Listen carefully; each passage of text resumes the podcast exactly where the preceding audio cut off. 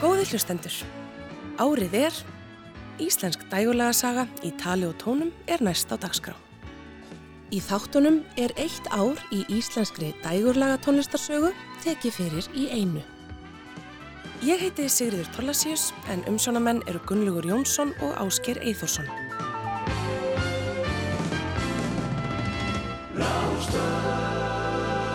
Árið er 2004.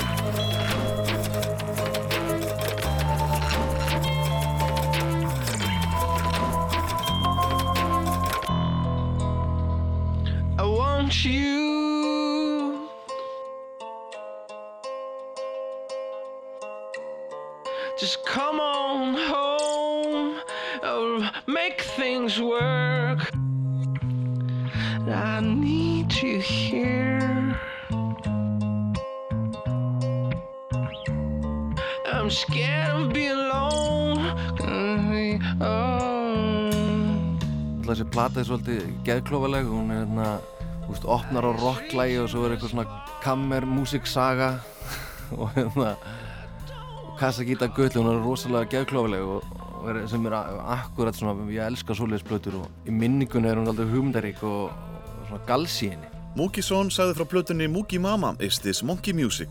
Og upphafslægið I Want You opnaði þáttinn.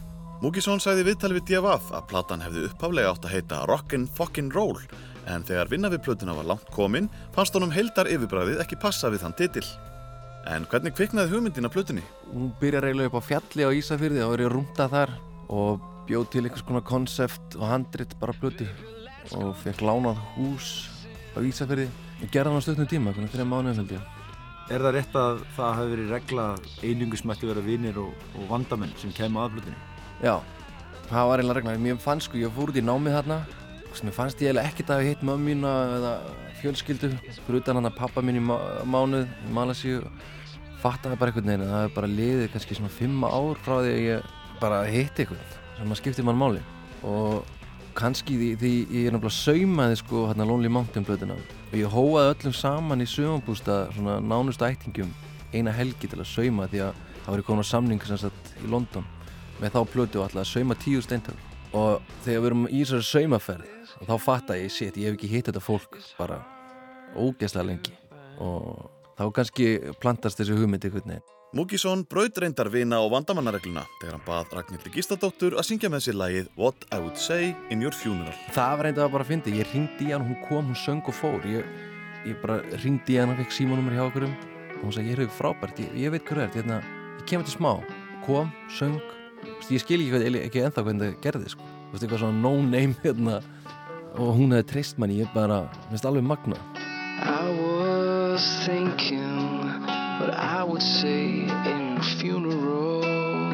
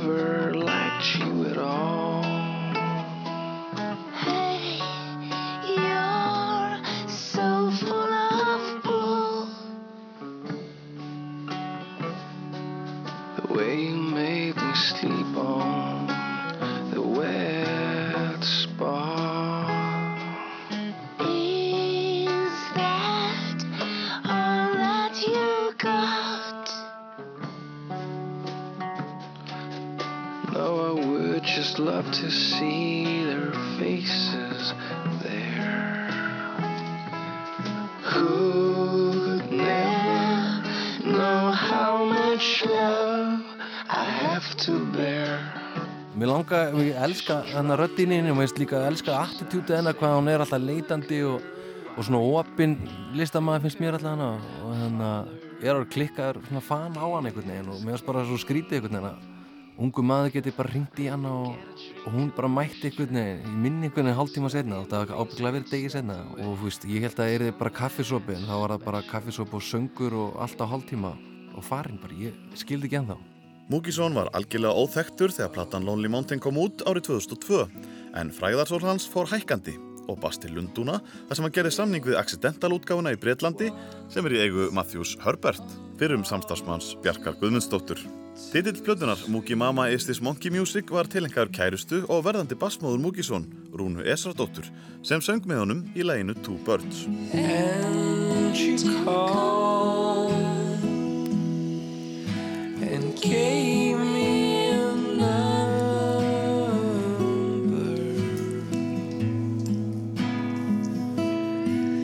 If I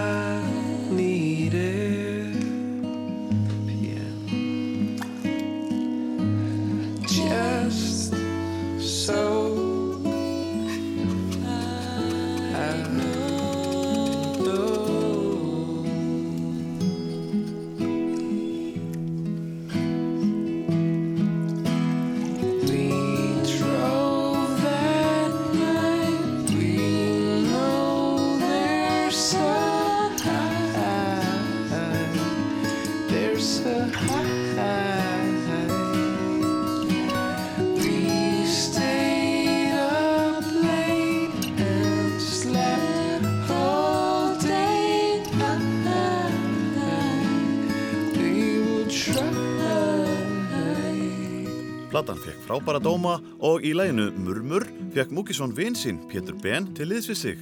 Lægið sló samstundis í gegn og var kosið lag ársins á íslensku tónlistarvelununum og Mookie Mama Is This Monkey Music var plata ársins.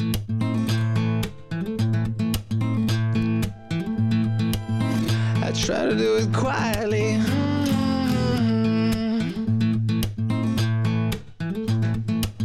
Not a whisper, more like a shock. I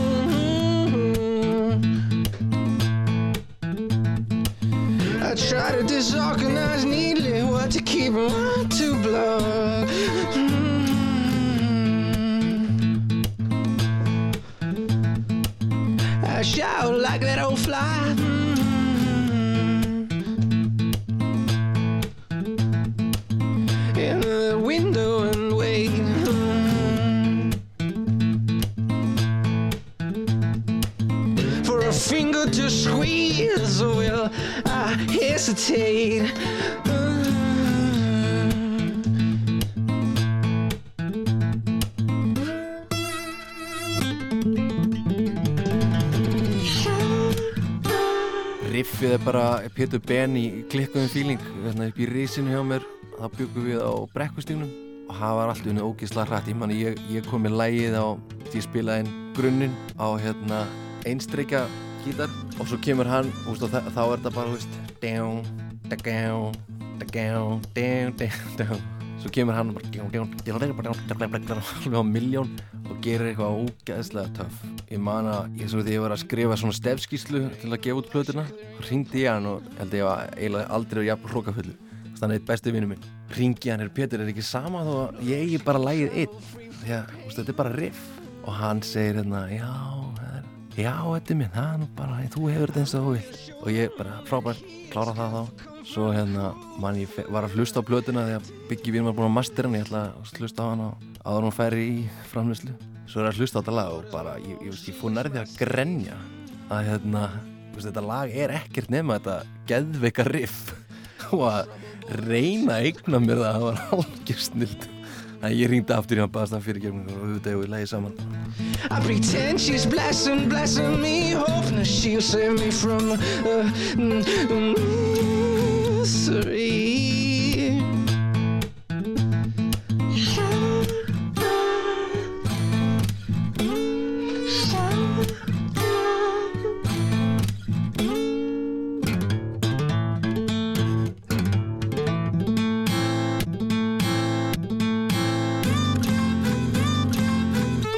Árið er 2004.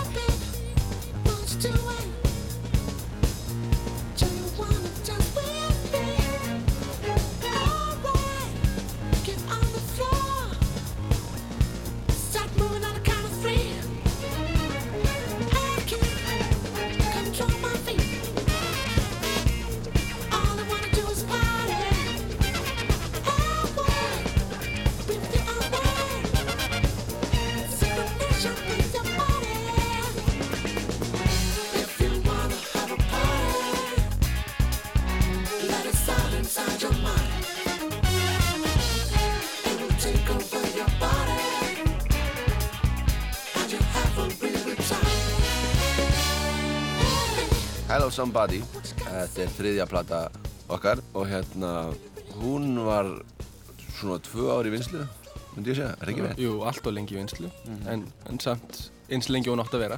Titillin af þessari plötu er fengin úr Baptistakirkju í New York, sem að öll hljómsveitin var fyrir andlegri og trúalegri upplifun og það er ekkert grín. Harlem Harlem, náttúrulega Það var, var, kona sem spilaði á, á Hammondorgel og, og ungur piltur spilaði trommusett og það var svona gömul kirkja með litlum söfnuði en, en miklu stöði. Þetta er plata sem að við unnum algjörlega frá aðtölu á, á okkar eigin ramleik, tókum upp, útsettum, spilum, sungum, Já. gengum frá og kannski það sem gerir þetta líka svo skemmtilegt þetta ferli að gera þetta svona allt sjálfur og án utanankomandi áhrifa. En þetta fengum við hérna, Erlendis, pródusent, til þess að koma og taka upp tvö lög. Það er nú líka stil. Það er nú líka stil. Það var nú meiri pinningaðislan maður. Já, það var peningahisla.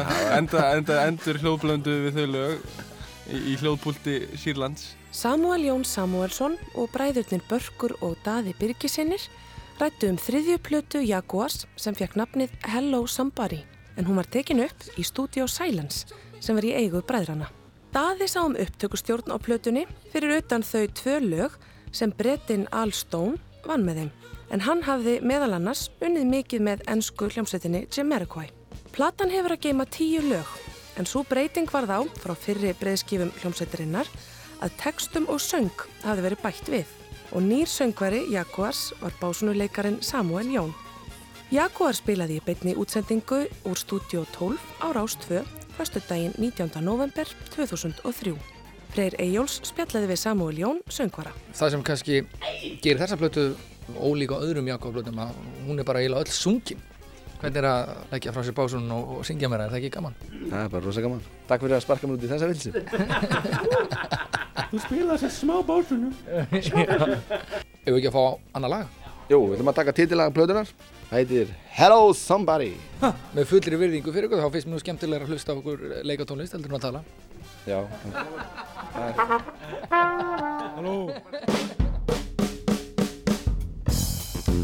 Og þeir sem eru heima að vaska upp, hvernig væri að klappa saman höndum og dilla bossanum. Hello somebody! Mm, yeah. Má ég heyra alla heim í stofu klappa saman höndum? Og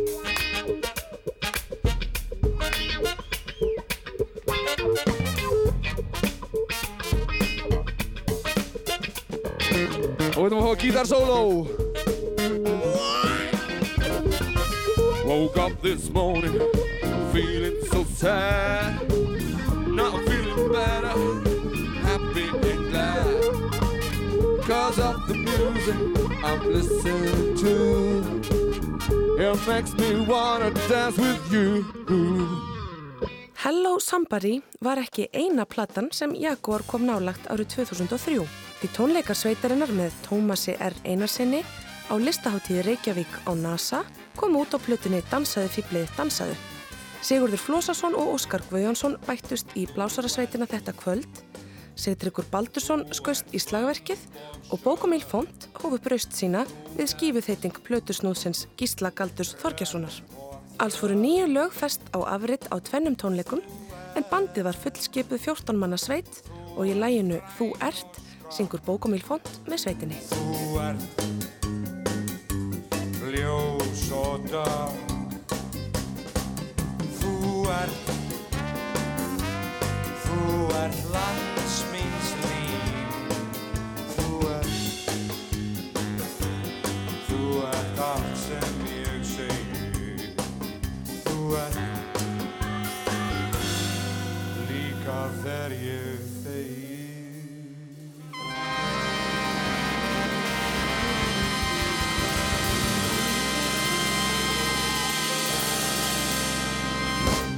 Árið er 2004.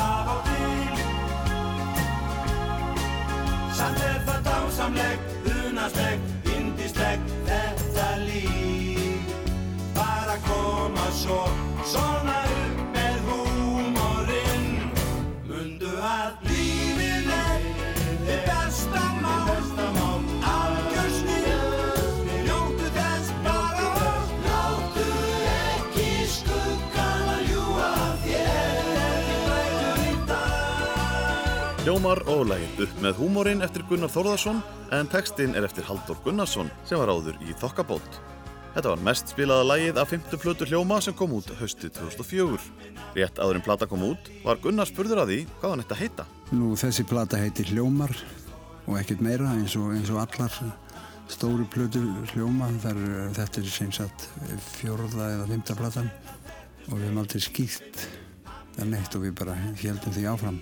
Og eh, við tókum þessa plötu upp, já við byrjum í april, april, mæ, tókum smá pási í júni og vorum svo júli, ágúst og september á Kavísu. Það var mjög gaman að vinna þessa plötu, hún var það var mikið lagt í hana, við, sérstaklega í röddónum, það, það tók, tók mikið tíma en var mjög gaman að því að og það er nú svona aðarsmerki hljóma hefur verið að, að syngja rattir og við vildum hafa það í heyri á, á þessari plötu. Lögin á plötunni voru öll eftir Gunnar Þórðar en þeir sem skiptum þessi textunum voru rittuvendarnir Einar Már Guðmundsson og Guðmundur Andri Tórsson, sálarsöngvarinn Stefán Hilmarsson, upptökustjórin Egil Edvarsson að óglemdum Þorstinni Eggertsinni en yngstur var bakkalúturinn Bræi Valdimar Skúlason sem samti textalagsins Eitt lítið stef. Ég vakna seint, ég velti mér,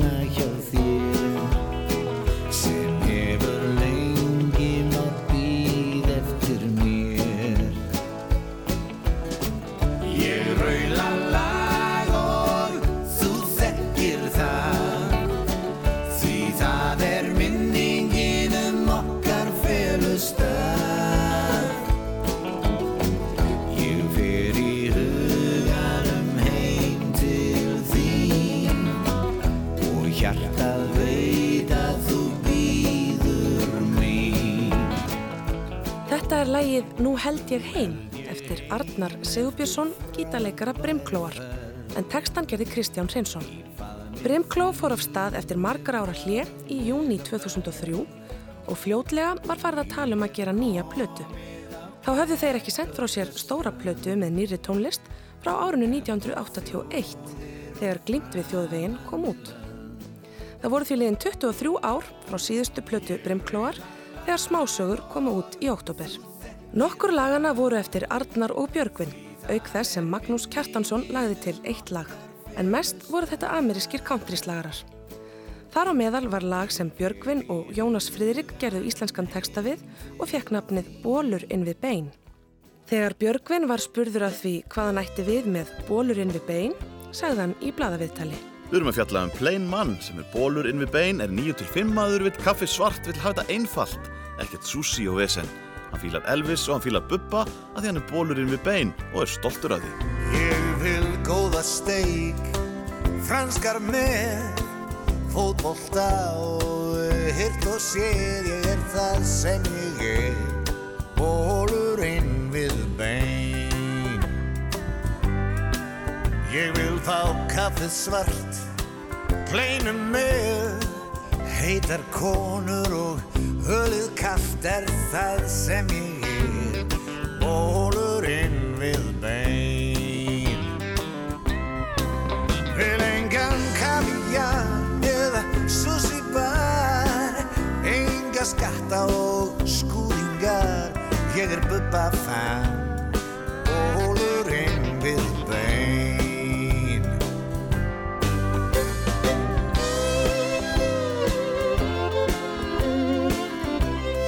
Árið er 2004.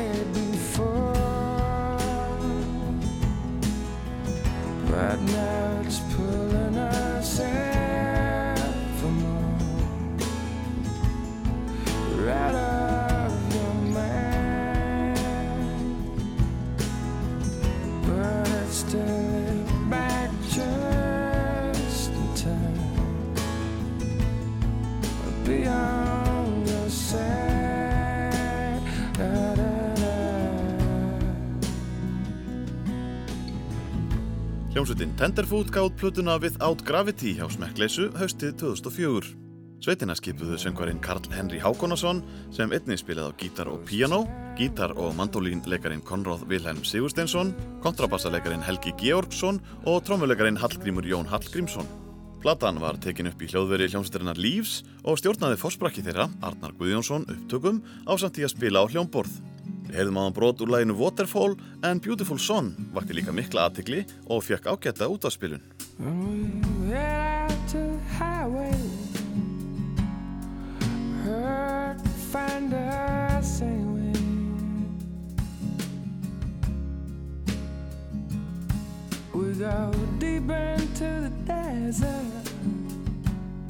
Seeking shelter from the world.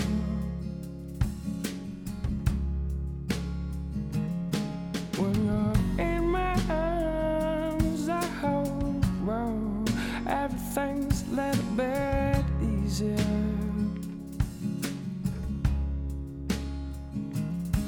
We're still out on the highway, trying to make it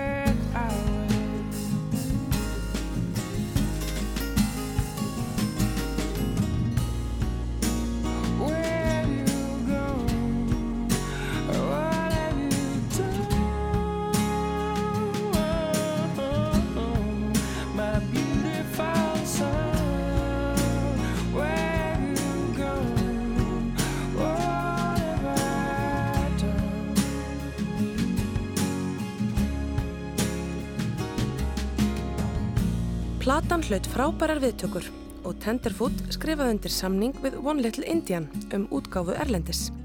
Umbósmaðurinn Árni Benediktsson tók að sér að miðla málum en stuttu áður en platan átt að koma út í Evrópu, Japan og Bandaríkjónum voru 2005 neyttist sveitin til að breyta nafninu á hljómsveitinni.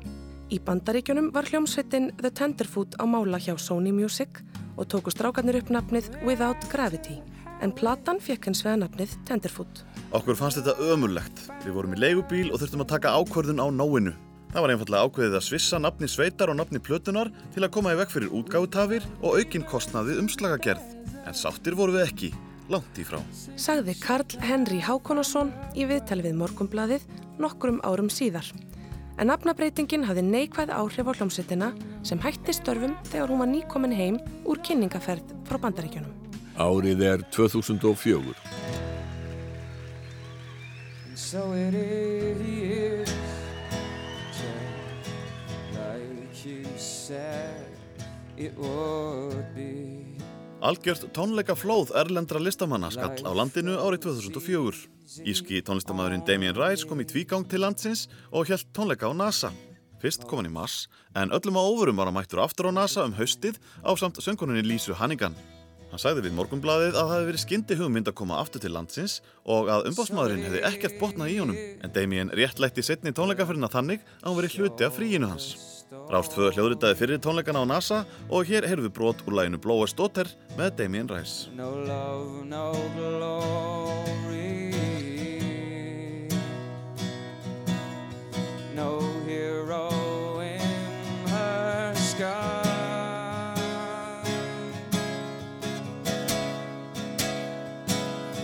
can't take my eyes off of you.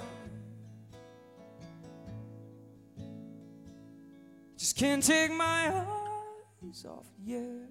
Einar Bárðarsson stopnaði tónleikafyrirtækið Concert eftir að hann hafði flutt inn Olsen bræðurna dönsku og hann stóð fyrir tónleikum hinnar góðsagnakendu ennsku roksveitar Deep Purple sem hafði fyllt höllina árið 1971 og átti eftir að fylla hana í tvígang sömari 2004. Ennska hljómsveitin Star Sailor kom til landsins í byrjun júni og tónleikar þeirra fóru fram á NASA við Austurvöll fyrir smekkfullu húsi, þar sem sveitin fylgdi eftir henni áskömmlu plötu Silence is Easy.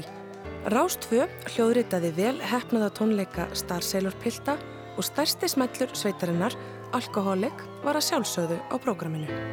Don't you know you've got your daddy's eyes? Daddy was an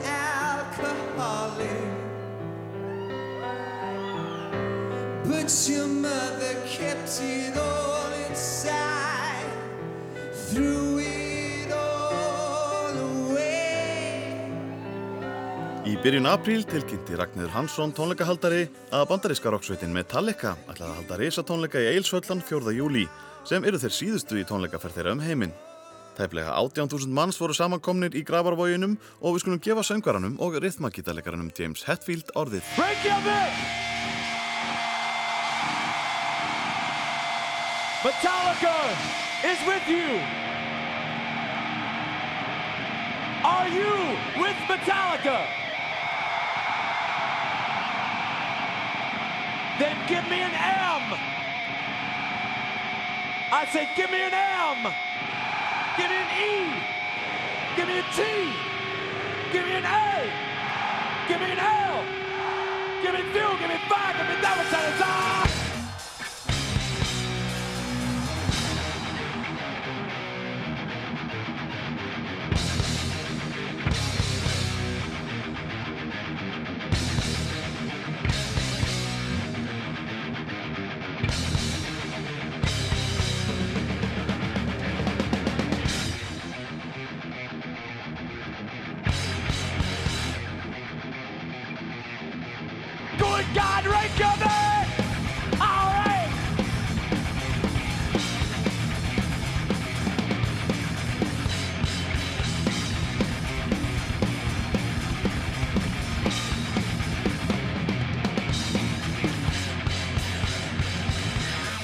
Metallica lék á alls otti og spilaði í rúmlega 2 klukkutíma.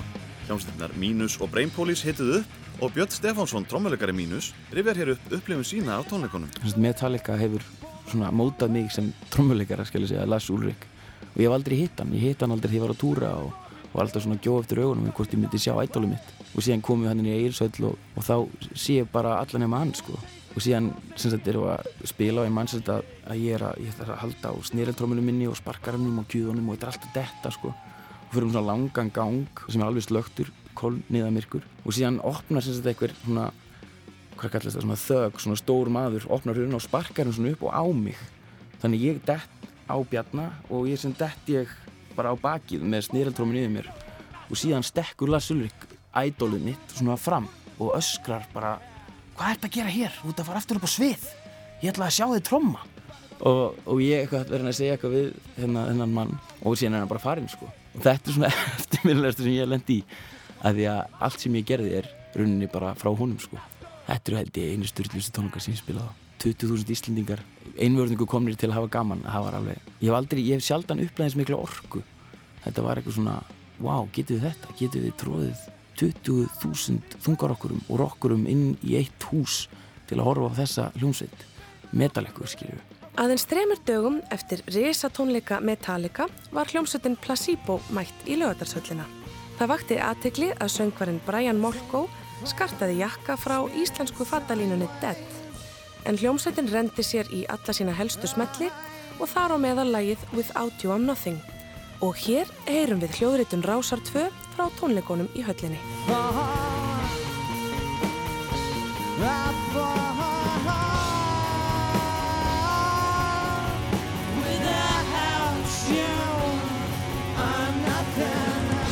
Meðal annara erlendra gesta sem heimsóttu Ísland þetta magnaða tónleika ár voru Sjúkababes, Kraftwerk, The Stranglers, Korn, Chris Kristofferson, Pink, 50 Cent, Lou Reed, James Brown, Van Morrison, Prodigy, Marianne Faithfull, The Fall, Blonde Redhead, Beach Boys og bandaríska hljómsdyn Pixies sem tróðu upp í Kaplakrika í Hafnafyrði á tvennum tónleikum 2005. og 2007. mæ.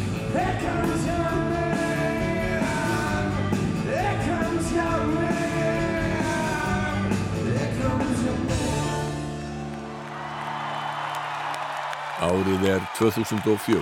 Góði gestir, kæri Ólafur, það er eh, sérstök ánægja fyrir okkur Dorrit að fá að fagna þessum glæsilega og fjölbreytta hópi hér í kvöld. Þetta kvöld er nú að margan hátt eh, svona sögulegt í eh, langri sögu Bessastada og ætli ég byrja ekki á því að segja að það hefur aldrei verið svona græjumúsík hérna á Bessastöðum eins og í kvöld og ég legg til að við eh, klöppum og þökkum Trabant alveg sérstaklega fyrir flutning þeirra hérna í kvöld. Þakka ykkur kjallaði fyrir, það er búið að, vera glæsileg. Fórseti Íslands, Ólafur Ragnar Grímsson, flutti ræðu á Bessastöðum í samkvæmi þar sem hljómsveitin Trabant tróð upp. Ragnar Kjartansson og Þorvaldur Gröndal segja okkur söguna því hvernig það kom til. Það var sko þannig að það er Ólafur Eliasson var með síningu og hann veldi endla að fá okkur til þess að spila í opnunarpartíðin svona Bessastöðum og það hefði ekkert verið svona, svona græjumúsík á Bessastöðum áður og svo átti bara hætta við þetta og þá allir fekk ég símtal frá Dorrit þar sem hún var bara hérna, við verðum bara að gera þetta. Þetta, svo, þetta verður svo cool.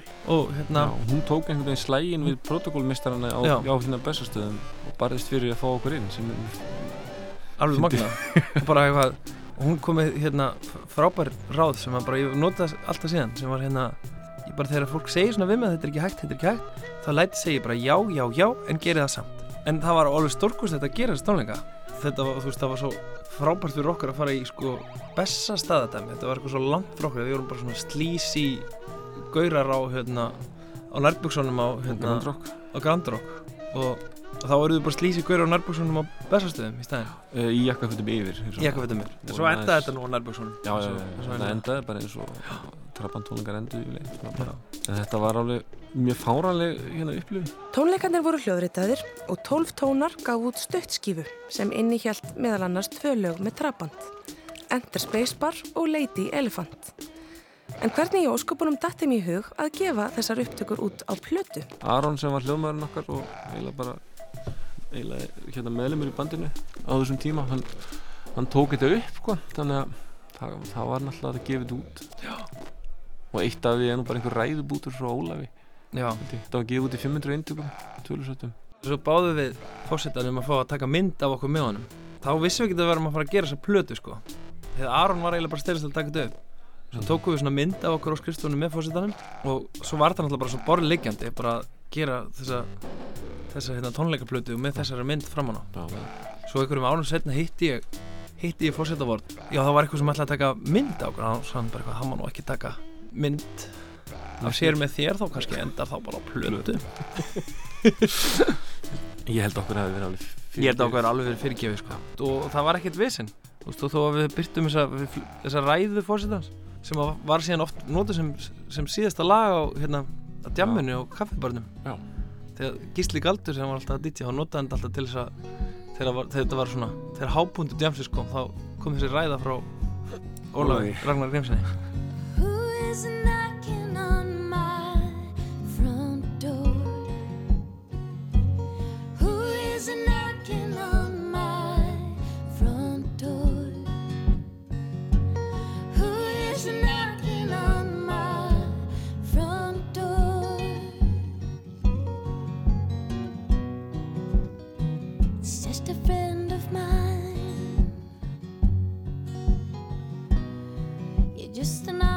ordinary friend of mine.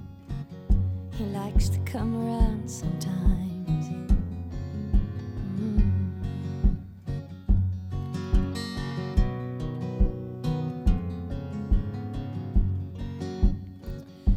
It's only the friend of beggars.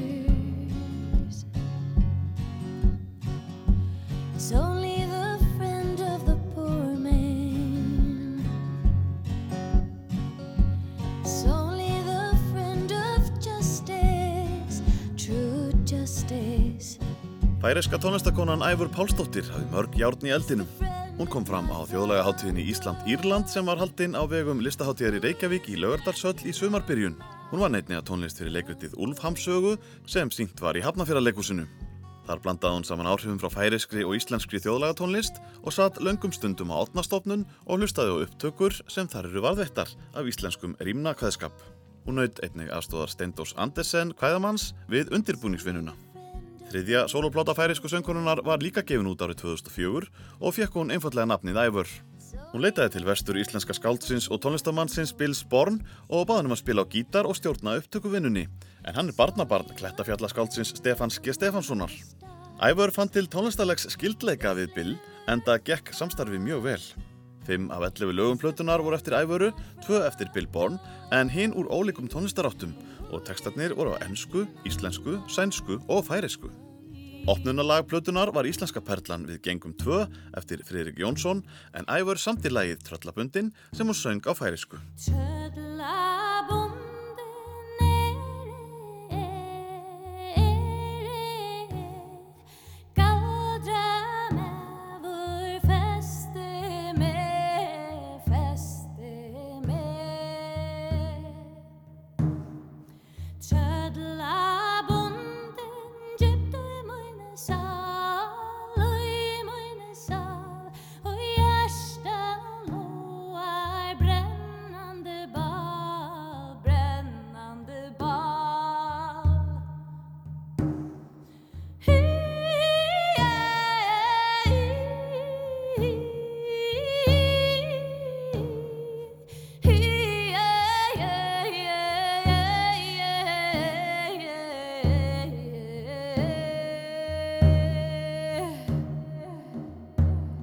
Trómarinn Pétur Gretarsson og bassalegarinn Birgir Bragarsson sem unnu með æfuru að plötunni Krákunni einu ári fyrr komu einnig að gerð þriðju plötunar sem var tilnæmt til íslensku tónlistarvelununa.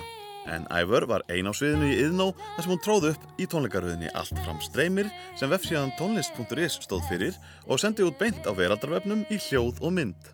Ég er mjög glöð að sjá ykkur. Búin að lakka rosalega mikið til það er langt síðan ég hef spilað einn.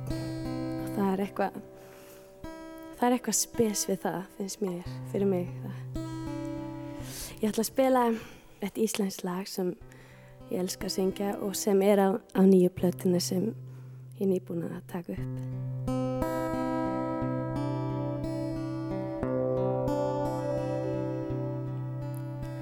Ég veit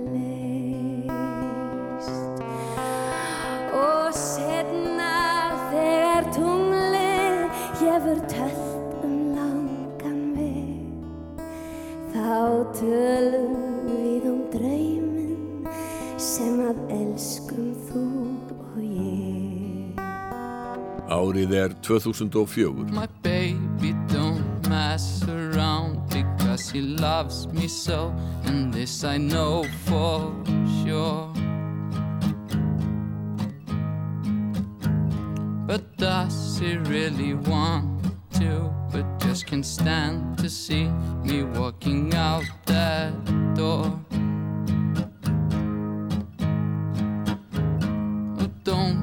Try to fight the feeling, cause the thought alone is killing me right now.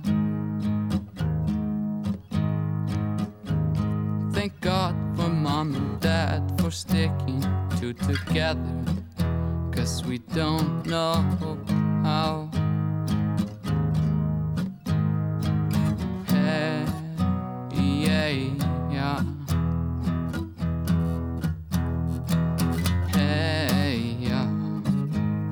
Georg Jónsson vakti aðtegli þegar hans útgáfa af árskömmlum smelli Outcast, Heia, fór að hljóma í útvarpinu. Þórir hafði verið gítarleikari í hardkjarnasveitunum Fighting Shit og hriðjuverkum, en á hans fyrstu plötu, I Believe in This, hvaði annan tón og tónlistin var lástend í ættuði Nick Drake. Platan var tekin upp í geimstinni af Kitta í hjálmum og þetta tóndæmi ber nafnið Canada og Canada. What I feel for you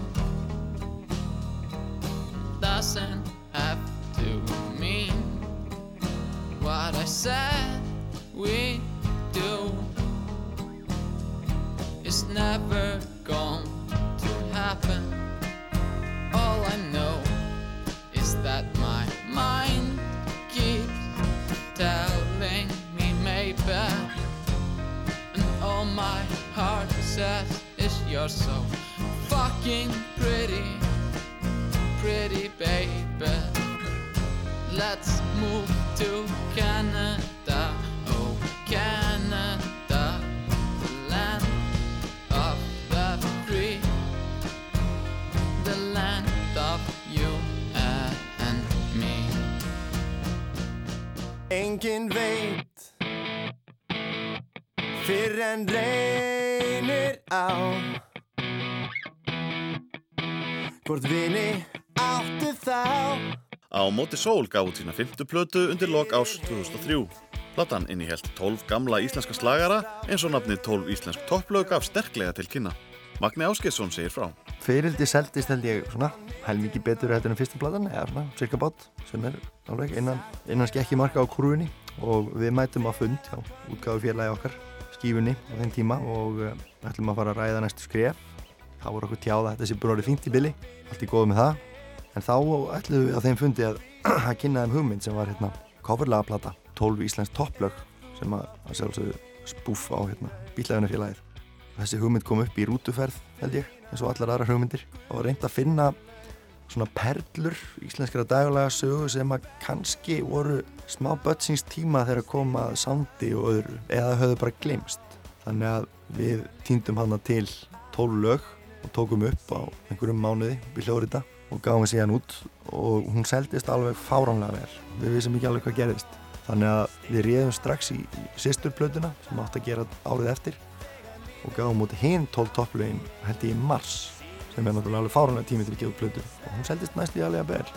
Þannig að þessar sýstur plötur seldust miklu meira heldur en allar hinnar plötunar okkar samanlagt held ég. Og urðu svona óþrjótandi brunnur af lögum til að spila á tónleikum og böllum líka. En þann dag í dag heldur alveg heil kynslu á Íslandingum að við höfum sami tröstu vinum bullandi miskilningur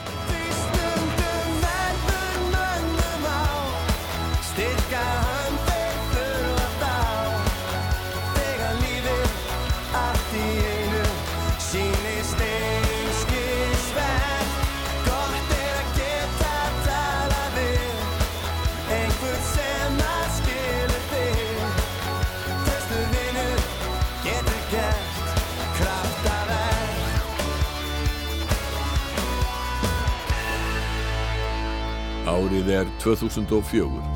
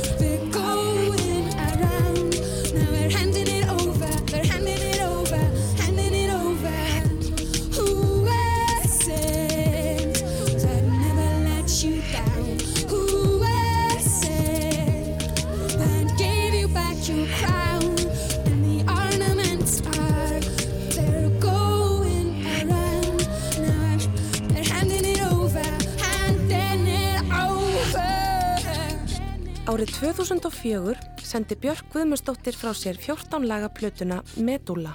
Upptökur fóru fram í Brasilíu, Bretlandi, Kanaríegjum, Bandaríkjunum, Ítalíu og á Íslandi.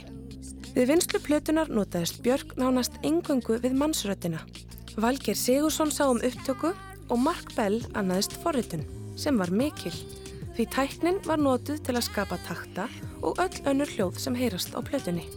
Rött Bjarkar var því algjöru aðalhlutverki á plötunni en hún fekk einni til liðs fyrir sig íslenskan rattkór, grænleiska söngkonu og hiphoppara frá New York. Meðal laga á plötunni var Vökuró eftir Jórunni Viðar, fyrstu íslensku konuna sem lagði tónsmíðar fyrir sig, við ljóð eftir Jakobínu Sigurðardóttur. Björk var á óvenjulegum slóðum þegar hún söng lægið Oceania við setningu ólimpíuleikana í Greiklandi um miðjan ágúst. Og svona lísti Samuel Örn Erlingsson atvikinu í dægur tónlistar annál ársins. 13. ágúst voru olimpíuleikandir í Aþenu settir með viðamikilli hátíðardagskrá. Aðtegli Íslendinga bindist að vonum óskiftað söngkonunni Knáu Björk Guðmundsdóttur sem síndi það og sannaði að maður þarf ekki að vera afreiksmaður í íþróttum til að ná eftirtektarverðum árangri á olimpíuleikum. Björk flutti nýtt lagsitt Oceania á 3 mínútum og 44 sekundum og var góður rómur gerður að framistöðu hennar á meðal 72.000 áhorfenda á aðaleikvanginum í Aþenu og um 4 Oceania sandi Björk samkvæmt pöntun frá aðstandendum olimpíuleikanna. Skáldið Sjón sá um söngtekstan og tók hann svo alvarlega hlutverk sitt að hann innritaði sig á námskeið í grískum fræðum í Háskóla Íslands áður en hann gekk frá tekstanum. Um þennan heimsögulega viðburð sagði söngunan Knáa í fréttatilkynningu Það er mikill heiður að hafa verið beðin um að semja lag og flytja á olimpíuleikunum. Lagið er samið frá sjónarhóli Hafsins sem umlikur allan heiminn og vakir yfir mönnunum til að sjá hvernig þeim reyðir af eftir að hafa þróast miljónir ára. Það sér engin landamæri, kynþættin er trú sem hefur ætíð verið andi þessara leika.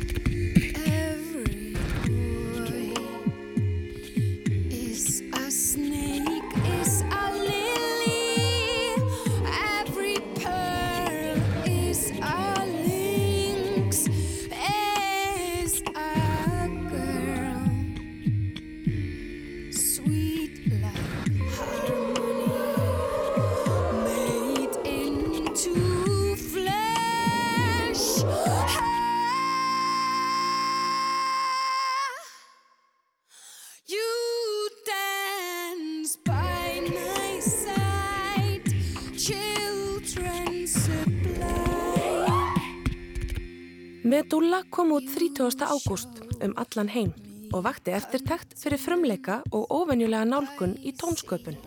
Björk var tilnæmt til íslensku tónlistarvelunana í flokknum popplata ársins og söngkona ársins en varð að játa sér sigraða í báðum flokkum, aldrei þessu vant. Platan var tilnæmt til Grammy-veluna sem besta framsækna platan. En á sömu háttíð fekk Emiliana Torrini Grammy-tilnefningu fyrir lagið Slow sem hún samti fyrir Kylie Minogue. Korki Björk nýja Emiliana hlutu þó Grammy-velun að þessu sinni. Myndbandið við lagið Triumph of a Heart sem Spike Jones leikstýrði var að mestu leiti tekið upp á skemmtistaðnum Circus. Og meðal þeirra sem ratta í laginu eru Ragnar Kjartansson, Markus Þór Andresson, Egil Sæbjusson, Bóas Hallgrímsson, japanski beatboxarinn Þó Kaka og Landi. Og allir komu þeir fram í tónlistarmyndbandinu.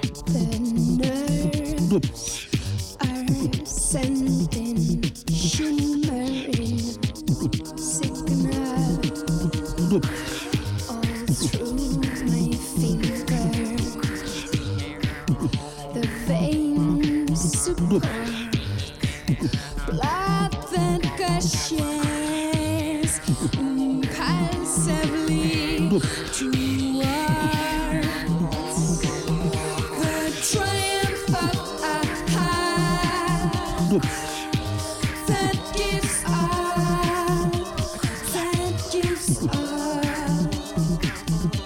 up.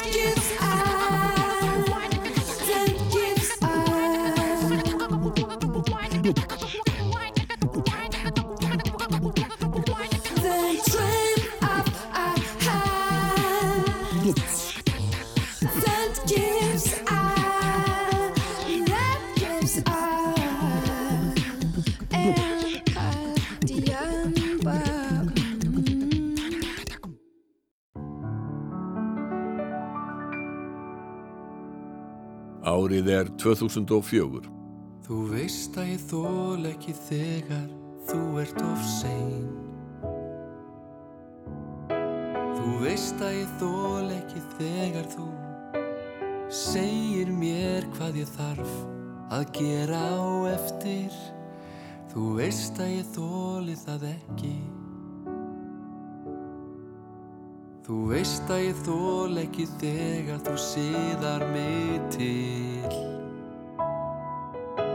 Þú veist að ég þól ekki þegar þú Grípur fram í fyrir mér. Þú veist að jafnvel og ég Að ég þóli það ekki. En ástin breytir öllu. Ástin gerir kost úr lesti. Í ástum allt er afstætt. Því ástin sagði mér Að ef þú ekki værir Værir eins og þú værir Þá værir það ekki svo sem ég elska dag og nótt Ég verð náttúrulega bara að segja til hamingjum með þína fyrstu sólaplötu. Þú hefur náttúrulega gert, tugi ef ekki hundruði platna með þínum og þessum tónlistamönnum en það er nú örgulega verið pínlítið öðruvísi vinna að gera sólaplötu heldur en allar heinar blöndar, það ekki? Jú, raun og veru aðal munur náttúrulega er sá að þetta er miklu minna mál. Og þá ég við sko að maður þarf eiginlega ekki að bera neitt undir neitt maður berst bara við sjálfa sig og þannig að þetta var nú til dæla fljótlegt sko að gera þetta. En fyrir viki þá náttúrulega er maður ekki búin að fara í gegnum þessa síu sem maður fyrir alltaf í gegnum í hljómsveitunum. Það sem einhver segir við maður þetta er nú alveg glatalega ekki á þetta plötunni. Það er kannski þannig sem að maður er aldrei óryggu með þetta maður svona veit ekki alveg hvar maður stendur. Hvernig myndir þú lýsa þessari plötu? Ég myndi lýsa þessu sem svona alúðlegu kvísl poppi Jón Ólafsson heimsótti Popland til að kynna sína fyrstu sóloplötu sem var samnemd söngvaranum með íkæðaröttina. Ángurvær útgafa hans á læginu Flugvélar sem kom út á ammælisplötu nýdanskrar freystingar tveimur árum áður vakti verðskuldaða aðtekli á sínum tíma og Jón viðurkendi í viðtölum að viðtökurnar hefðu stappað í hann stálinu og hvatt hann áfram til að ráðast í gerð sóluplötu. Jón samti öll lögin við texta Hallgríms Helgasonar, Kristjáns Reynssonar, Steins Steinar og Ólafs Haugs Símonassonar utan eins texta sem hann samti sjálfur. Hér heyrum við brot úr læginu Látti þig dreyma við texta Kristjáns. Þótt hugurinn áfram um hifinin þeysir Þá heftar þig tíminn með miskunar leysi Hann baðar þig byrtunni sinni Og byrtan er náttúruleg Mátturinn er þarna inni Hann elskar þig meira en ég Lokaðu augunum, láttu þig dreyma og líka minn svífur um heima og geima. Hafðu það hugfasta gott er að gleyma, hjá Guði og englunum þar áttu heima. Augun í myrkri á stjörnurnar stara og stöðugt úr spyrð þegar leitarðu svara. Við uppi á himnum með englanna skara og beiljuðar brautir við langar að fara. Jón fylgdi plötun eftir með tónleikaferðalagi um landið og með í för var Stefán Már Magnússon gítarleikari. Jón sendi svo rástfö pistla frá ferðalaginu og þeir lögðu í hann spiluðu þeir nokkur lög í stúdíói 12. Gefum Frey Eyjólfsinni, einum af umsjónarmönnum Poplands, aftur orðið. En þetta er alveg svona kviknækið, bara ein, ein rödd og eitt bíónú. Já, er það ekki bara uh, fín leið svona til þess að byrja á sólablötu? Bara svona, þetta, þetta er það sem maður er. Já, ekki, er þetta einlega plata? Já, já, hún er það, sko. Ég er nú reyndar ekkert að hérna neinn sár eða, eða hérna ná mig niður okkur fólki en eitt svolis en hérna það er allavega innlægni í flutningnum og, og, og textarnir eru mér að skapi Mhm. og eitthvað sem ég get staðið við. Nákvæmlega. En hlustendur Rása 2 eru nú fatnir að kannast við uh, lagi Sunnudagsmorgun sem að er að finna á nýju plötunni og það hefur verið að hljóma hérna á Rása 2 og bara mikið beðið um þetta lag, þetta er svona farið að vekja aðtekla þetta lag. Mikið hringt. Já, mikið hringt. Sunnudagsmorgun, þetta er svolítið svona skemmtilegu texti og, svona dregin upp falleg skemmtileg mynda af svona ægilega næs sunnudagsmorgni. Þetta er text eftir Ólaf Haug Símonasson Já. og hann, hann hérna, ég bað, mér langaði mikið að hafa text eftir hann og hann var svona freka tregu til á vissan hátt, hann svona, það hefði daldið mikið leitað til hans að hann en hún er með svona andum að þetta sé á réttum stöðum þannig ég var svona upp með mér, hann skildi treysta mig fyrir einu, einu kvæði hann samdi þetta bara fyrir mig og, og ég samdi svo bara að laga við þetta og hérna, óvinni mikið stuð með það sem við erum búin að flytja hérna hingað til í dag Ég vil þakka ykkur bara kærlega fyrir kominu hingað í Popland, Jón Ólafsson og Stefán Már Magnússon. Við skulum heyra Sunnudagsmorgun. Húsin er allt með kyrrum kjörum og kaffi sem ilma svo vel Engin að koma og engin á förum Ég set óreint í þvóttavél Kötturinn mættur að kíkja á gluggan Kauði að tjekka á læðinni. Svo skrýður hann aftur beint inn í skuggan og ég sleppi skamma ræðunni. Það er sunnudags morgun og sólinn hún situr við borðið. Sunnudags morgun og allir sem sofa nema þú og ég sunnudags morgun og sólinn hún situr við borðið svo yndisleg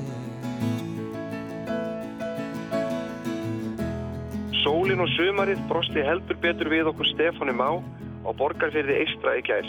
20 steg hitti og allt að gerast. Það er ekki ofsögum sagt að borgarfjörður Eistri er sennilega fallegasti fjörður Íslands og þótt víðar væri leitað. Um 120 manns búa þar núna og komu 70 þeirra á velhefnaða tónleikana í Fjardarborg. Söðburður hamlaði því að aðsóknin er enn betri en stemningi var rífandi og heimamenn gerðu sér glaðan dag, kneifuðu öl og letu vel í sér heyra á milli laga. Í dag er veðurblíðan hér fyrir austan ekki minn en í gær og nú erum við komin á eigirstaði. Tónleikar í kvöld í Valaskjálf, plakkötun skiluðu sér þó ekki fyrir í gær og svo virði sem brefberi staðarins hafi náð að fela þau á einkennlegu stað í húsinu öllum til mikillar undrunar. Ef nokkuð ljóst að sá fær ekki bóðsmiða í kvöld en það sé ekki langrækir maður þá læti ég umræðum um plakatasendingar til eigirstaða lokið að sinni. Stefán Már er eitur hress og kann greinlega vel við sig hér á landsbyðinni. Í gær hendi hann eftir vini mínum Byrni Jörundi við feiki miklar undirtaktir. Í kvöld í Valaskjálf hyggst hann hins vegar lesa í lófa, spá í bolla og fara í feruleik með innfættum. Við erum búin að stilla upp og nú er allt klárt til tónleikahalds í hótel Valaskjálf í kvöld og við býðum bara eftir því að komast í minigolf. Saltkjötabönir tók kall. sunnudags morgun og allir sem sofa nema þú og ég sunnudags morgun og sólinn hún situr við borðið svo yndisleg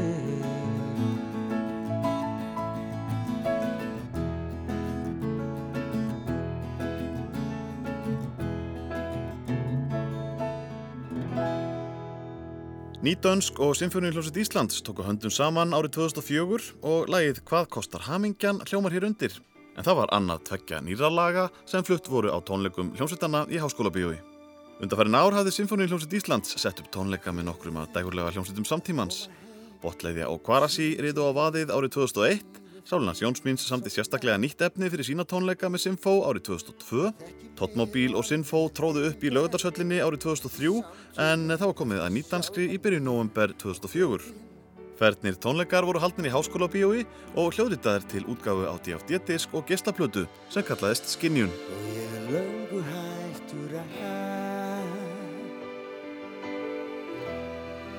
Koma sjálfum mér á hófa Hvað kostar hamingjan? Er dýrt að elska þig? Ertu tilbúin að fjæfletta mig? Hvað kostar hamingjan? Það er dýrt að elska mig Ég er tilbúin að skuldbinda mig Árið er 2004.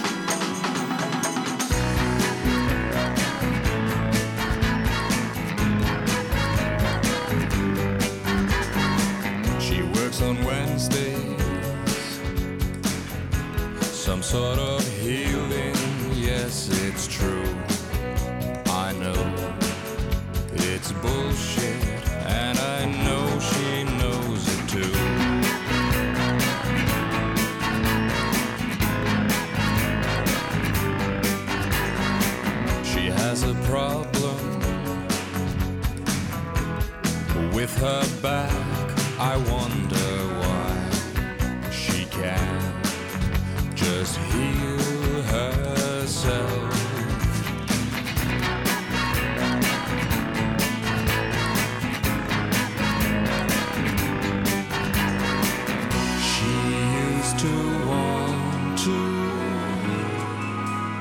save the waves, but now she's into sail. Það var svona eiginlega plata sem við vorum að byrja miklu meira frá grunni að búið til poplög meðan fyrir platan var, var svo mikið svona að nýta allt sem við höfum gert í rauninni bara næstu í heilan áratug í leikúsi og annar staðar. Og þannig byrjuðum við bara að setja inn alveg ferskar hugmyndir miklu meira aukt blað og sama tíma að reyna að landa bandinu live sem að tókst alveg stöku sinnum. Áttum alveg nokkur góð gig og svona meðan þessi mjög skemmtileg tónleikar í London og, og svo svona verri tónleikar kannski bara í einsum ástæðum eins og Íslendingadagurinn í Stokkólmi Íslendingadagurinn í að bílum í roki í einhverju garði og alveg íslenskir hestar horfa okkur og svo hafa Gesson Já. tókum okkur góðan tíma í þessu plötu og mér finnst hún já, hún er elst vel Já, já. Hún var þingri aðeins heldur Já. en, heldur en eh, fyrsta platan, hún var svona Já, endur með sko, coverið er, er grátandi grátandi nashyrningur. og hún er heilstiftari heldur en fyrirplatan þó að fyrirplatan sé svona það er, það er, það er svona einhver svona ungæðingsháttur kannski í fyrstu plötunni. Guðmundur Steingrimsson og Frank Hall sögðu frá annari plötu Ske, Feelings are Great. Hljómsveitin Skára en ekkert breyttist í Ske og fetaði nýja braut á plötunni Life, Death, Happiness and Stuff sem kom út tveimur árum áður. Það höfðu orðið breytingar á sveitinni þegar önnur platan kom út því söngvararnir Jón Ottur Guðmundsson og Ragnæður Gröndal voru orðnir fastir meðlimir í bandinu og þau fara gjössamlega á kostum í læginu Beautiful Flowers. Today the sun is shining. She sits by the window and looks outside.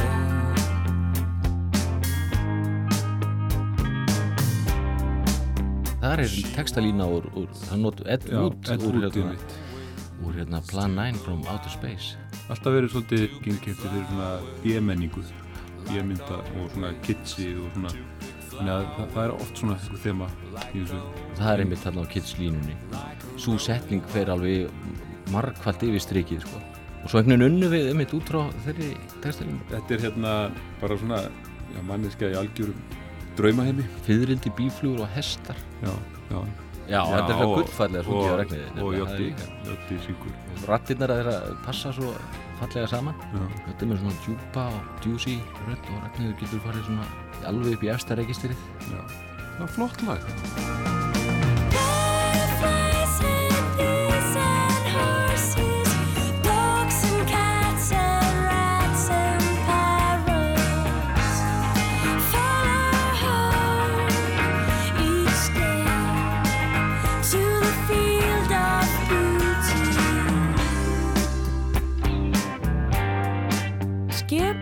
bóðið á South by Southwest tónlistarháttíðina í Austin í Texas í byrjun ásins 2005 en Ragnæður sá sér ekki fært að fara með og þá þurfti að finna nýja söngkonu.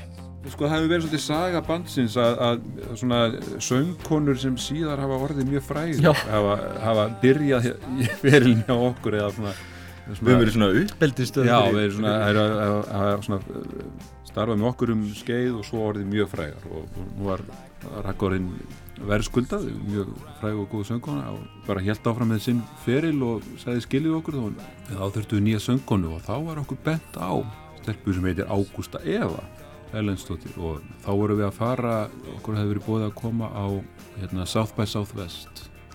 Hátíðin í Texas. Okkur vantaði bara söngkonu til að koma með okkur þangað.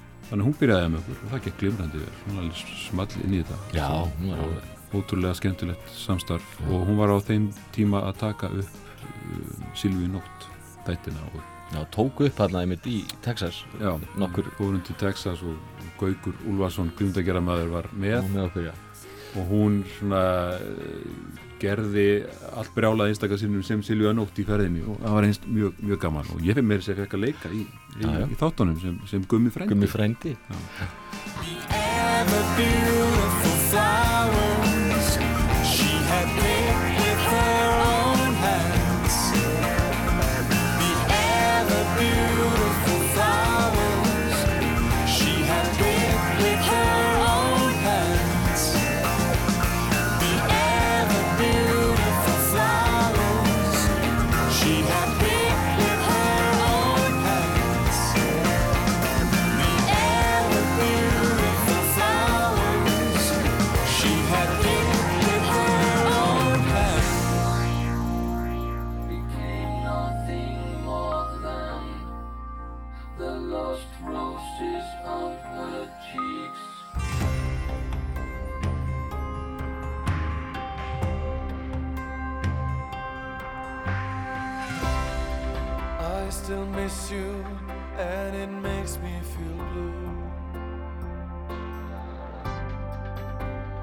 Lost without those colors of you. I can't think straight, I just wanna be wherever you are when you're not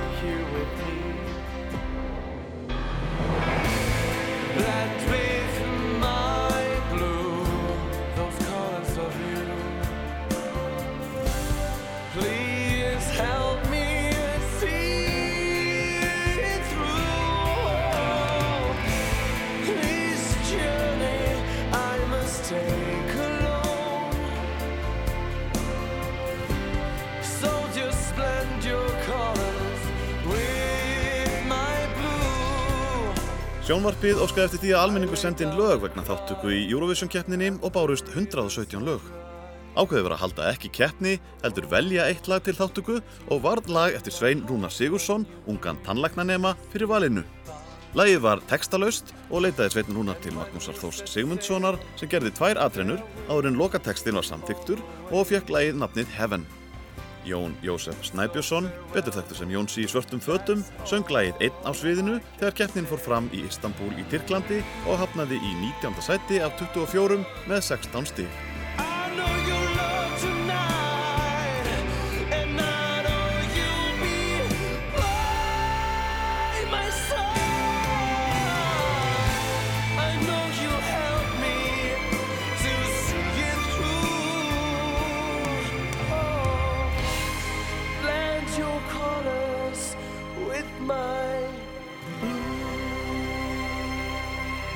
Árið er 2004.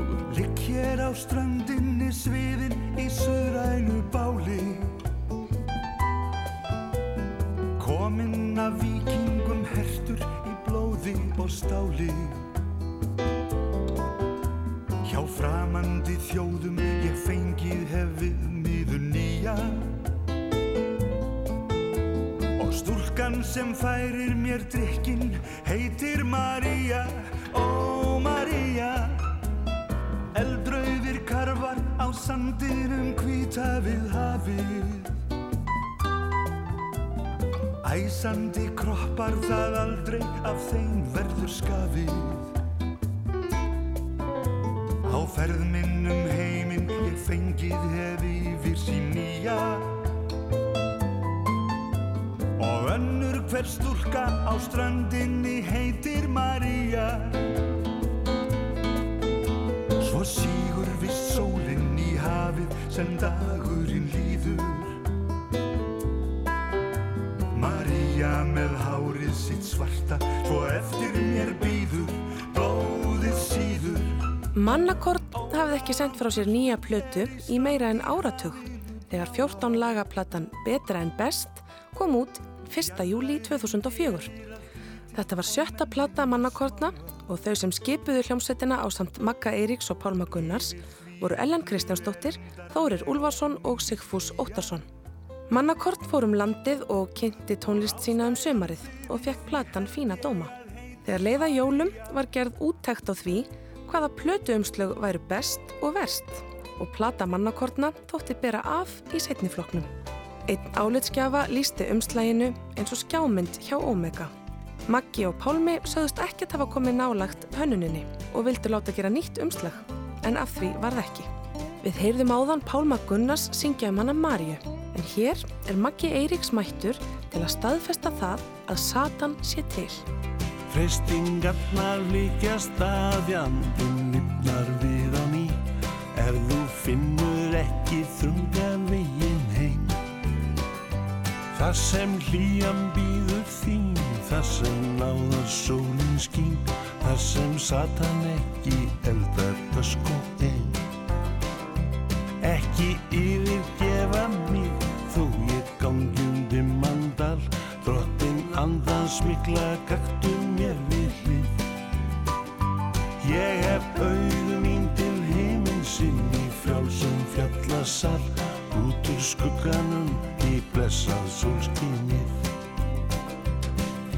Satan er til, já, Satan er til. Við sjáum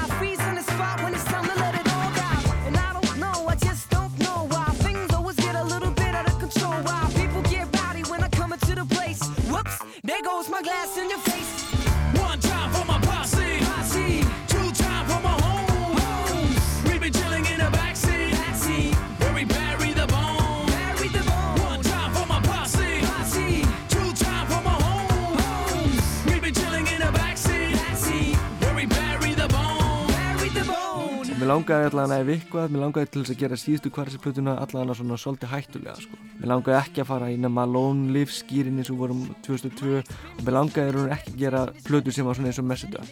Mér langaði allavega að gera þessa plötu svolítið hættulega og ég bara raun heyri í einhverjum bara stráka, einhverju demo teipi, einhverju mixteipi sem var í gangi sem kallaði sig Tiny og þetta var einhver rosalega mikil mystik í kringum hann að stráka, enginn hefði séðan, enginn hefði hitt hann og, og hann svona, mikið orðspor í bænum og Þannig ég loksist næ í skottið á hann og hérna, hans rýmur eru alveg bara, mér fannst það algjörlega frábæra sko og, hérna, og ég finn strax að bara hann passaði rosalega vel inn í þetta hættulega sound sem ég var að reyna að búa til sko. Þannig ég bara fæði hann til að koma með ykkur í, í korasi. Þá reynum við að byrja að vinna með Gorilla Disco sem kemur núndar 2004. Hún byrjaði hann að hustið 2003 og tekur svo langan tíma að taka upp Gorilla Disco því að veist, það bara tók tíma einhvern veginn að stilla saman rattina þeirra og hópinn og allt þetta dót sko. Sölvi Blöndal sagði frá fymtu plötu Kvarasi sem fekk natnið Gorilla Disco og eitt af lögum ásins var Stun Gun en í því fenguði lána stef úr stuðmannanlæginu Kveitibjörn. Höskuldur Ólafsson hafði hætt í hljómsveitinni í lok ást 2002 og Egil Ólafur Tóranensen sem gekk undir nafninu Tiny kom í hans stað en hann rappaði fyrst með sveitinni í læginu Race City sem Kvarasi sendi frá sér undir lok ást 2003 og var ráðin til starfa í kjölfarið. En hvað átti Sölvi Blöndal við þegar hann talaði um hættulega plötu? Mér langaði til þess að textanir væru Mér langaði til þess að þeir væru augrandi og hættulegir og maður fengi svolítið í magan sko ef maður myndi lesa þá. Og mér langaði að samdi á plötunni væri þú annarkvort er að slökka á tónlistinni eða hækka henni í botn. Og Tiny raun og kom inn með þannig að textanir hjá Kvarasi þeir fara úr því að verða svona tvíraðir yfir að bara verða svona í, miklu harðari og miklu meira bíó og þetta combination af Tiny, Ómari og, Steina og mér, það bara, það virkar ég finn það og þegar Stöngung kemur út árið 2004 þá bara finn ég þetta line-up bara virka, tónlistarlega þetta er bara, þetta er bara ótrúlega spennandi sound sko. þannig ég verð alveg gjörsanlega samfæður um það ef við höfum að gera raunur Gorilla Disco plötuna og, og, og Japan pikkaði hann upp Sony Japan pikkaði Gorilla Disco og gaf hann út og hún seldist ykkur um 70-80 úrst þar sko þannig að hún gerði mjög góða hluti sko. Lokalag Gorilla Disco með Kvarasi, This Song, stingur hans í stúfið önnur lög plötunar, en þar syngur Willi Naglbítur með sveitinni.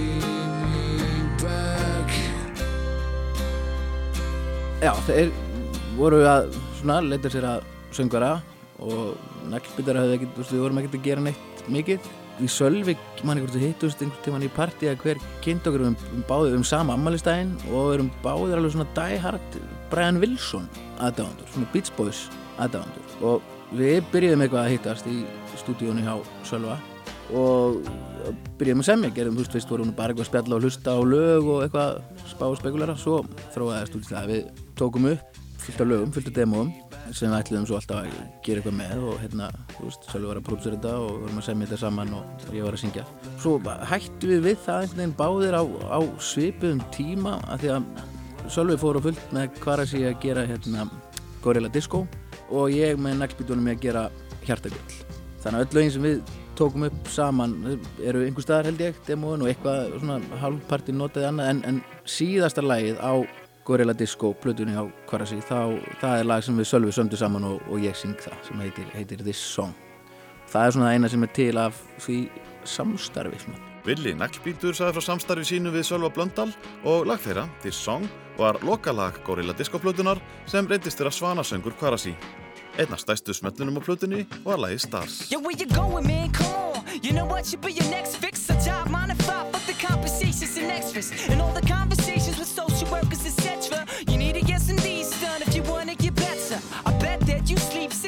16 hours out of 24. Wanna change things, feels like nobody knows you anymore. Yeah, but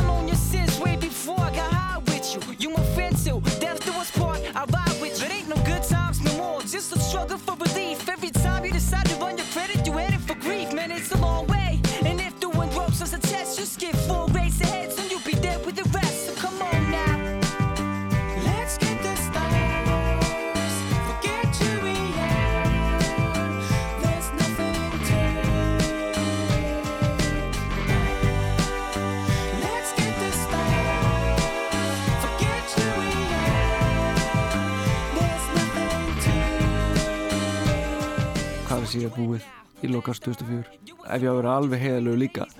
Sem hljónsveit þá var þannig að ég og Höskuldur og Steini og, og Ómar myndum hljónstina Kvarasi sem síðan náttúrulega Egil eða Tæni kemur í, í staðin fyrir Hössa og það er alltaf alveg ljóst hann náttúrulega náttúrulega að, sækja sér sinn sólóferil sko í kjölfara Kvarasi.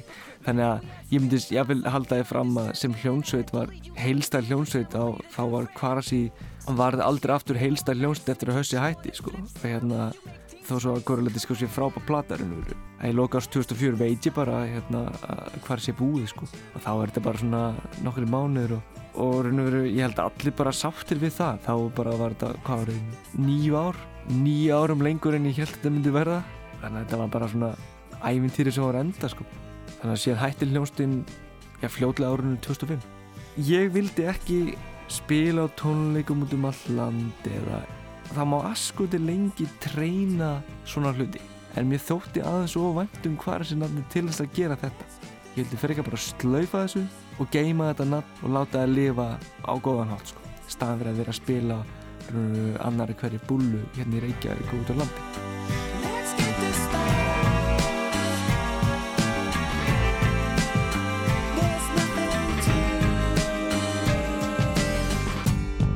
Árið er 2004.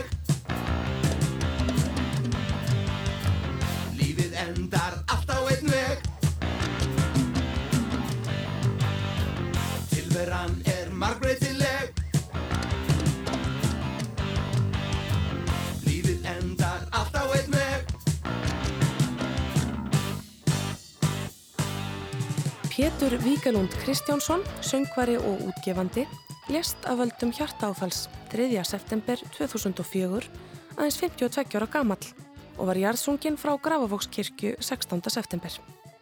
Pétur stopnaði Pops um fermingu árið 1966 og var söngvari náttúru áður en hann stopnaði hljómsveitirnar Pelikan, Paradís og Póker. Hann starfaði lengi við útgáfu og innflutning á hljómplötum og sem tónleikahaldari. Pétur var söngvari í start með Eiriki hugsinni en þar voru líka gítarleikarin Sigurgeir Sigmundsson, bassarleikarin Jón Ólafsson, hljómbórsleikarin Nikolás Robertsson og trommarinn Davíð Karlsson. Þeir komu saman til að minnast félaga síns og tóku upp lægið Paradís sem Sigurgeir samti til minningar um Pétur og fluttu á minningartónleikum um hann sem haldnir voru á afmælistegi Péturs 7. janúar 2005.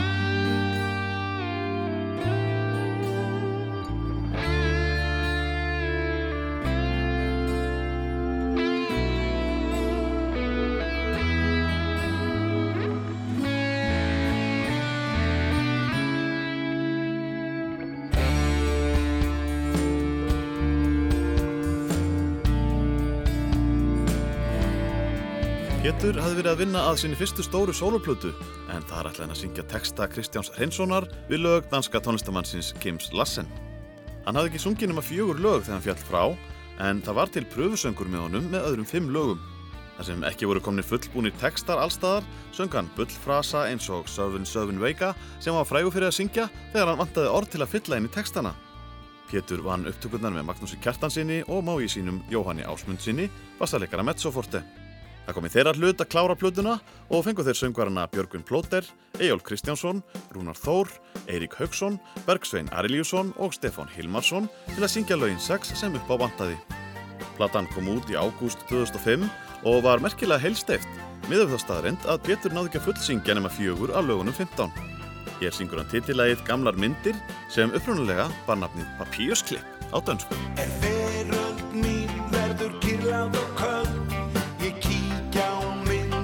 Síðustu öld Ég horfi svo glaður á æskunar ár Og yfir þessa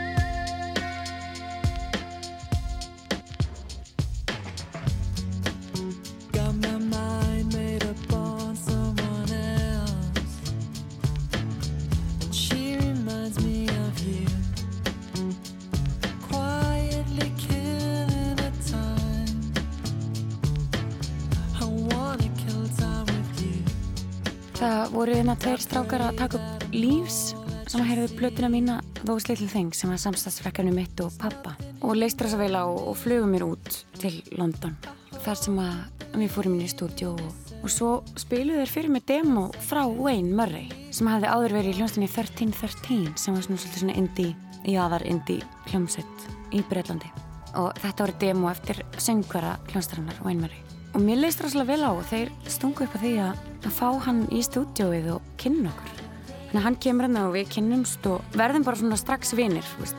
fólk er bara með ákveði kemestri og það bara svona klikkaði eitthvað.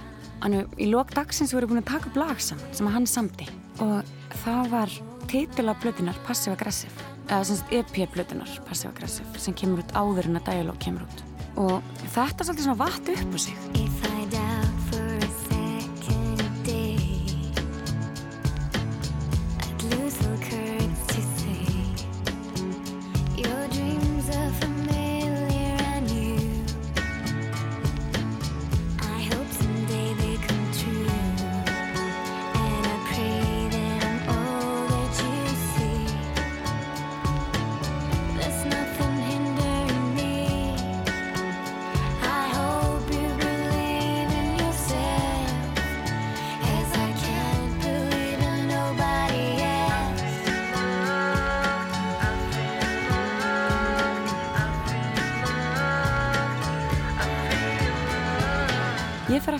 Íslands. Hann var ég, hvað, 17 ára gömul og var í skóla og var að vinna hverfisbarnum sem að þeir átti þetta vesturportstrákanir það var svona leikarabar á þeim tíma. Ég mani, ég var einhvern tíman í vinnunni og fekk símtal frá David Field sem var mjög stór maður hjá blöðfyrirtekinu BMG og hann segir við mig að hann vilja endilega hitta mig. Það býði mín bara flugmiði og, og þú veist, allir pakkin bara, ég verði bara að koma aftur til London Þórun Antónia Magnúsdóttir rifjaði upp söguna að því hvernig hún endaði í ennsku hljómsdynni Honeymoon. En hvað gerðist eftir að Þórun var sest að í London? svo bara var eitthvað bara hend aftur í stúdjó með Andi og Ian og þetta gerðist allt rosa hratt allt í henni var ég bara komið með einhvern rísa samning hjá BMG undir, undir þessi verkefni sem að hétt þá The Lovers eða hétt fyrst ekki neitt svo The Lovers, svo The Honeymoon þetta var rosalega skemmtilegur og spennandi tími já, maður var náttúrulega bara svo ungur og þetta var, manni fannst allar heimsins dyr vera opnar. Og líka bara að fá að vinna í stúdjó Radiohead. Það var alveg þvílíkt fyrir mig. Ég var algjör Radiohead aðdánda þessum tíma. Og þannig hitti við þá nokkur sinnum í stúdjónu og, og umbásmennina þeirra og þetta var allt saman bara rosalega spennandi. En maður var líka sko fastur bara út að landi í stúdjói sem maður var líka að fyndið sko. Veist, maður bara fastur í stúdjónu þannig til að platan var tilbúin. Með einstöku stoppi svona í, í London um helgar Fyrsta stóra plata Honeymoon fekk nafnið Dialogue og kom út 16. ágúst. Liðsmenn sveitarinnar hefðu í nógu að snúast við að kynna bandið og nýju plötuna og hittuðu meðal hans upp fyrir Nelly Furtado á tónleikaferð hennar um Bretland. Eitt af lögunum 12 var Truth Hurts.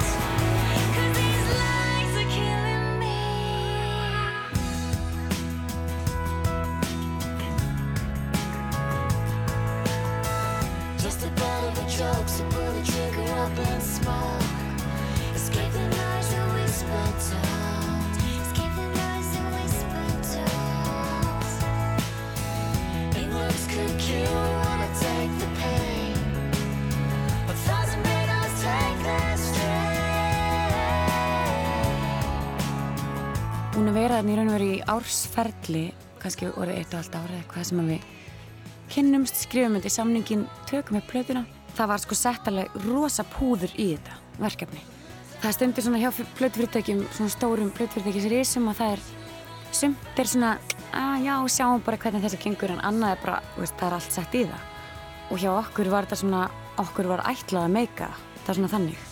Og það var gert þarna eitthvað tónlistavídeó fyrir 70.000 pund til dæmis sem er alltaf bara algjört rugg bara að henda peningum. En við hefðum alveg verið sátt við miklu miklu minna því að við vorum svo sko hóvar og bara mjög þakklætt fyrir, fyrir þetta tækifæri og fá að spila tónlistina.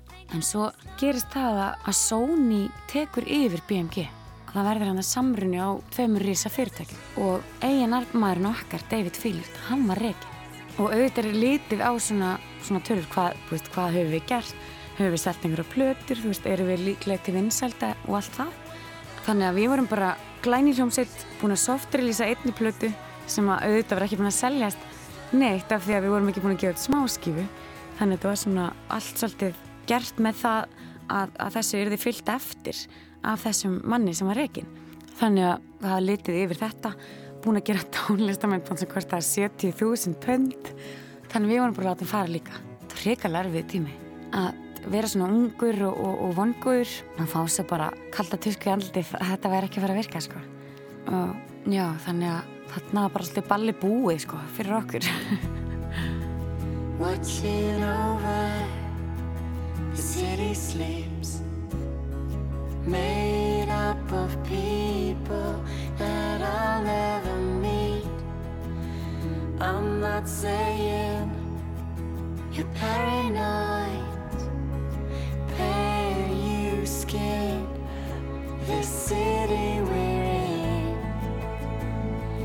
some time and spend it with me.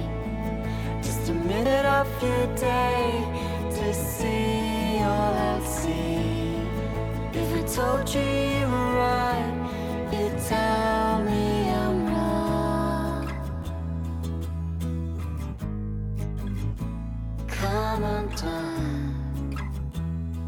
Vikan þegar Honeymoon misti útgáðusamningi sinn var í meira lagi dramatísk hjá Þórunni Antóníu. sko, þetta var náttúrulega versta vika í líf minu maður getur hleyja þessu núna. En á þessum tíma þá kynnist þið strák sem var líka hjá saman pluttröteki. Og við byrjum að vera saman og hún er á sástfangin og hann var í hljómsveit sem að það var ekkert bundnar það mikla vonir við að þeir myndu meika það. En þeir allt í einu meikuðu það. Það var hljómsveit sem heitir uh, Kasabian og ég og sem sagt gítarleikari hljómsveitinnar byrjum að vera saman áður en að þeir hérna vöktu einhver aðtegli og hérna svo hérna meikuðu þeir það bara rosa mikið og, og við sem sagt hættum saman í sömu viku. Og ég lendi því að það ráðist á mig að skemmtist og ég er lamin bara að engu tilefni. Þannig að hérna ég fannst að lamin misti plötsamlingin og hætti með kærastanum mínum allt í sömu vikunni sem var svolítið mikið fyrir átján, átjánuna stelpi á þessum tíma me. Just a minute of your day to see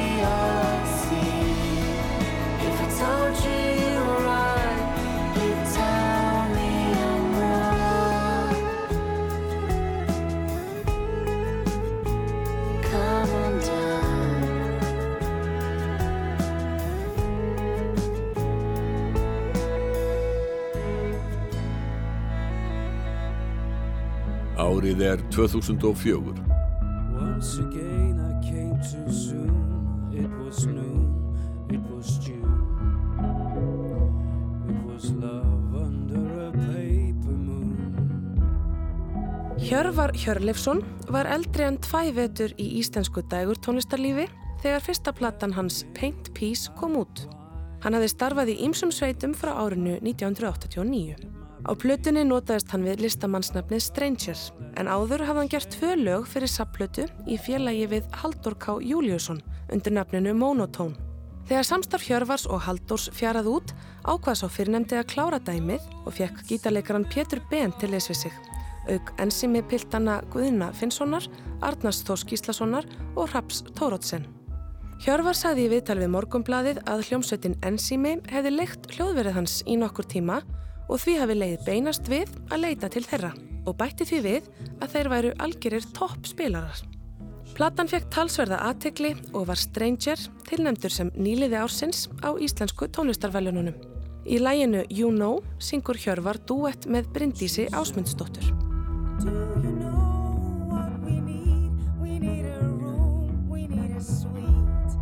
We need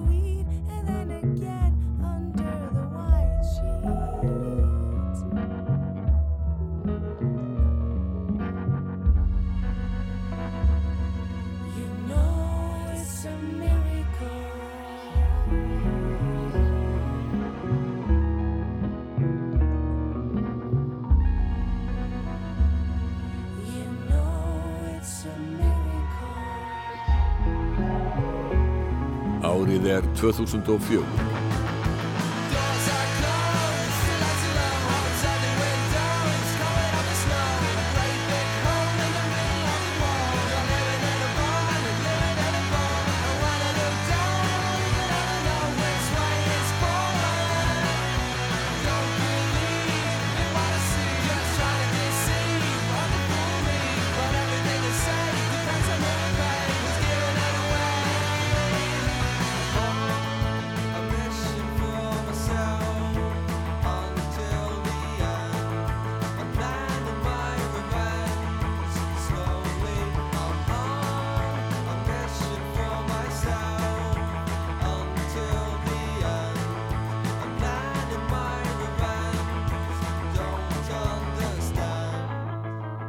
Hljómsveitin Jan Mayen var til undir lok 20. aldar þegar gítarleikarin og söngvarinn Valger Gesson og trómuleikarin Viðar Friðriksson byrjuði að spila saman og fljótlega bættist bassaleikarin Ágúst Bóðarsson í hópin. Sveitin byrjuði að leggja drög að sinni fyrstu plötu árið 2002 og þá var Ágúst farin að spila á gítar og skömmu síðar tók Sigursteinn Kristjánsson við bassanum. Sveitin sendi frá sér fimm laga stuttskífu árið 2003 og ætlaði að leggjast í dvala í kjölfarið. En þegar Exið 977 fór að spila lögin á plötunni, fóru strákarnir að koma fram á tónleikum við svegar um höfuborgina. Og stefnan var sett á útgáfu breyðskifu sem kom svo út árið síðar undir merkjum smekkleysu. Platan Home of the Free Indeed innihjalt nýju ný lög, auk lagana 5 sem komu upphaflega á stuttskífinni og hún var tilnæmt til íslensku tónlistarveljunana í flokknum besta rockplatan, auk þess sem sveitin fekk tilnæmningu sem bjartasta vonin. Við heyrðum áðan brot úr læginu On a Mission sem vakti hvað mesta lukku af plötunni, en myndbandið við lægið var einni tilnæmt til tónlistarveljunana. Annað eftirminnilegt lag á plötunni fjallar um ástralska tónlistarmannin Nick Cave, en fyrir algjörða tilviljun var textin smíðaður í kringum hann. Og það lag sem að hefur lifað hvað best af þessari fyrstu plötu Jan Mayen, allavega hjá aðdándu sveitarinnar, er lagið sem heitir einfallega Nick Cave. Og þá þannig að ég áttu frekar fá lögan á fyrstu mánuðin sveitarinnar og sveitin var mjög nýja á þessu tímabili. Og lögin voru oft tilbúin en ekki textarnir, en til að fylla upp í heilt prógrama hygguðu ekkert við að spila nýju lögin þóttu væri án texta til að ná fullu prógrami og þá bara oft með einhverjum svona bulltextum. Öll lögin voru með vinnuheiti og þetta lag var með vinnuheitið Mickey is a surreal motherfucker sem var síðan sungið reglulega í viðlæðinu og einhvern tíma var heiða í ununa að spila með okkur á tónleikum og, og eftir tónleikana komum til okkur og, og hafði eitthvað misert textan en sagði okkur allavega að lægið Nick Cave a real motherfucker lægið væri, væri frábært. Og við þetta kveiknaði einhver hugmynd hjá Valla söngvari sveitarinnar og, og jáfnfram textahöndi. Og í kjölfarið var bara alvöru texti lagsins til skömmu síðar sem fjallar um Nick Cave frábærleika hann sem listamanns en líka um það hvað það getur verið erfitt fyrir fólki andlu og ójabæði að hlusta á plötun hans Murder Ballads. Og þannig var bull-línan Mickey is a surreal motherfucker kveikina Nick Cave is a real motherfucker sem er eins og að þess að ég gegnum gangandi lína í læginu og textin og umfjöldunar hans er raun og verið bara búið til í kringum hann að misking.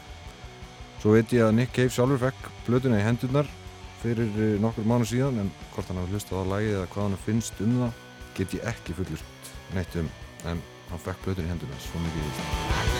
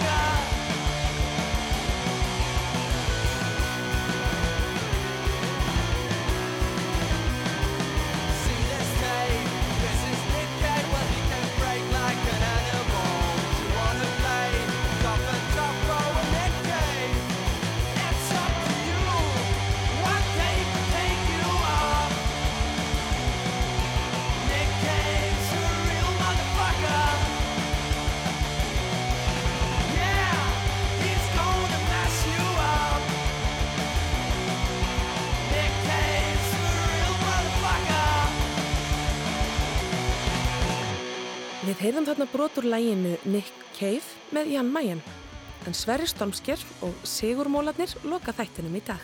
Við höldum svo áfram umfyllin okkar um Íslenska tónlistarárið 2004 í næsta þætti en þar koma meðal annars við sögu Hjálmar, Lífs, Mammút, Nælon, Bubi Mortens, Ellen Kristjánsdóttir, Í svörtum fötum, Birgitta Haugdal, Mínus, Ragnæðu Gröndal og öruglega einhverjir fleiri. Sverrir Stormsker samti Sigurlægið og fekk 36 þekktustu söngvara landsins til að skipa Sigur Mólana eins og hópurinn var nefndur. Lægi tók að hljóma á öldum ljósvakans í júni og kom út á plötunni Svonaðir sumarið 2004 þann 1. júli. En það komst hæst í annarsæti top 20 listans sem byrtist í fréttablaðinu. Takk fyrir að hlusta. Stundum töpum við, stundum rösum við En þá rísum við strax upp á ný En þá kraft meiri, en þá kjark meiri En þá gáður við sigurinn í töpum orustum en náum fórustum Og vinnum stríðið með glans, trúið því. Við getum bóknað, en ekki brotnað. Því endaveg takmark svo skýlaust í hug